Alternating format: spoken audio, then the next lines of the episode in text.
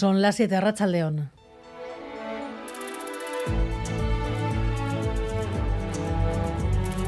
Gambara con Arancha García.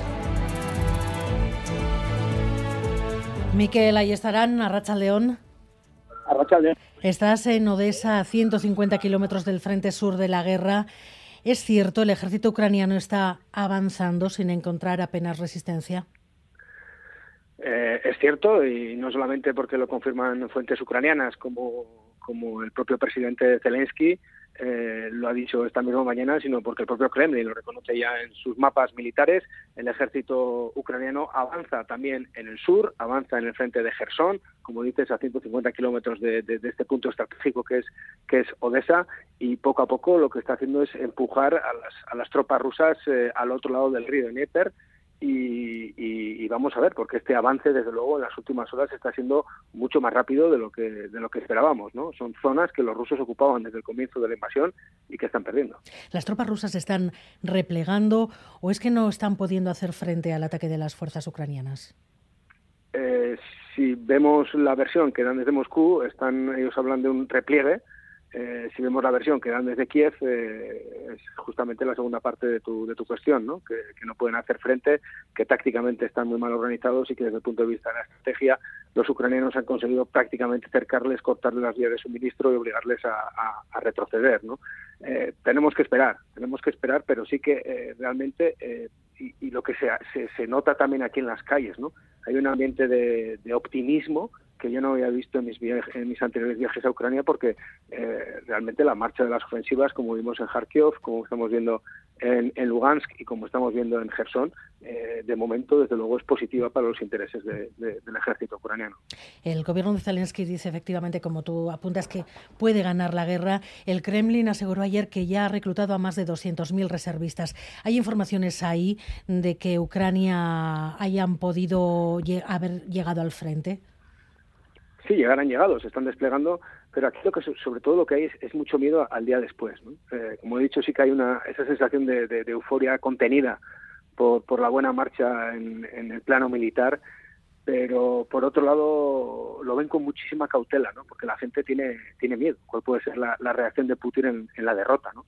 Eh, y aquí, una y otra vez, eh, si algo se me, han repetido la gente con la que he podido hablar en Odessa a lo largo de toda la tarde, es que ellos, desde luego, ven la opción de un ataque nuclear como, como una opción muy real. Miquel, ahí estarán en directo desde Odessa, desde ese frente sur en la guerra entre Ucrania y Rusia. Es que ricasco. Es que ricasco, Agur. La OPEP y Rusia van a recortar en dos millones de barriles diarios la producción de petróleo. El anuncio justo cuando Europa ha decidido topar el precio del petróleo ruso. El otoño de la crisis energética está aquí y Bruselas va a ampliar la excepción ibérica tope al gas hasta que haya un nuevo índice de precios en el mercado europeo. Hablando de todo esto a esta hora en Coruña, Pedro Sánchez y Helmut Scholz, y puede que también de que España acabe participando en el escudo antimisiles que prepara Alemania, que se sabe, Miquel Arrey, Rachaldeón.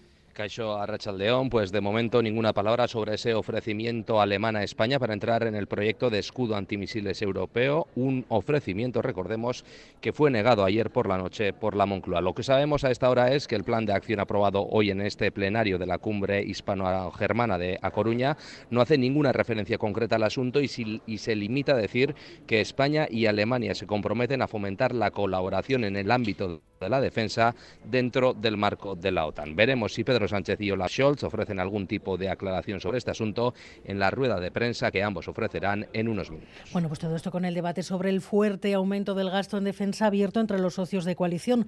Podemos dice que el PSOE se lo ocultó durante la negociación de los presupuestos y hoy le ha respondido la ministra de Hacienda. Evidentemente, los que se sientan a negociar preguntan por las materias que pueden ser de mayor actualidad y esta lo fue. Sería, pues, como diría, menospreciar, ¿no? La capacidad de interlocución de aquellos que no hablan en nombre de esa formación política, pensar que no van a preguntar por eso. En unos minutos entrevistamos aquí en Gambara al secretario general de la Michel Lacunza. Le vamos a preguntar por los presupuestos, por los salarios, las pensiones y también por la propuesta de pacto del bienestar que hace EH Bildu. La coalición la ha testado con los agentes sociales antes de presentarla esta tarde en Donostia, Fermín Alberdi.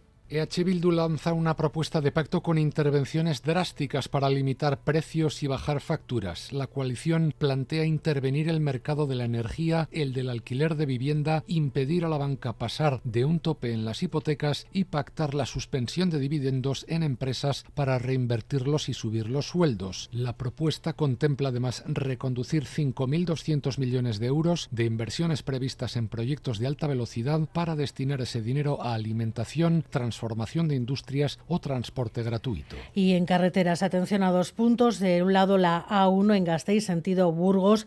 Allí están disminuyendo las retenciones. Ha llegado a haber hasta 6 kilómetros de cola por un camión averiado que estaba ocupando un carril, pero según nos están informando, el camión ya ha sido retirado y esas retenciones empiezan a aligerarse. Y en la A68, a la altura de Orozco, sentido Gasteiz, un camión averiado. El carril derecho está cortado. Precaución en ese punto. Y los deportes, Edu García, León. ¿Qué tal, con la Real como protagonista. Está ya en Chisinau, en Moldavia. Mañana se va a jugar allí el partido de la tercera jornada de la Europa League ante el Sheriff. Un partido que en caso de victoria dejará a los Imanol muy cerquita de la siguiente ronda del torneo continental. Con Martín Zubimendi como novedad de la convocatoria y con Carlos Fernández, que superada sus lesiones, entra por primera vez en una lista para un partido continental. Y también hoy esa tarde, a las 8 y cuarto, en poco más de una hora, juega Lointec Guernica, la ida de la eliminatoria de la Eurocup femenina de baloncesto. Lo va a hacer en Bélgica ante el conjunto del Phantom. La vuelta la próxima semana en Maloste.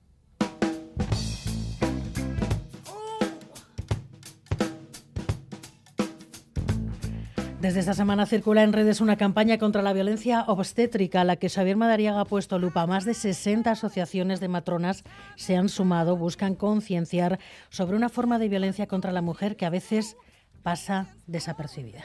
Parto inducido, preparada para empujar después de 20 horas. Toca cambio de turno. Me asiste un equipo completamente distinto. Me quedo sin epidural. Hemorragia interna sin informar.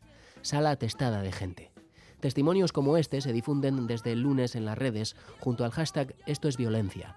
La campaña incluye fotos de niños naciendo por cesárea y cicatrices posteriores a un parto, todo para denunciar costumbres que dicen están extendidas a la hora de dar a luz.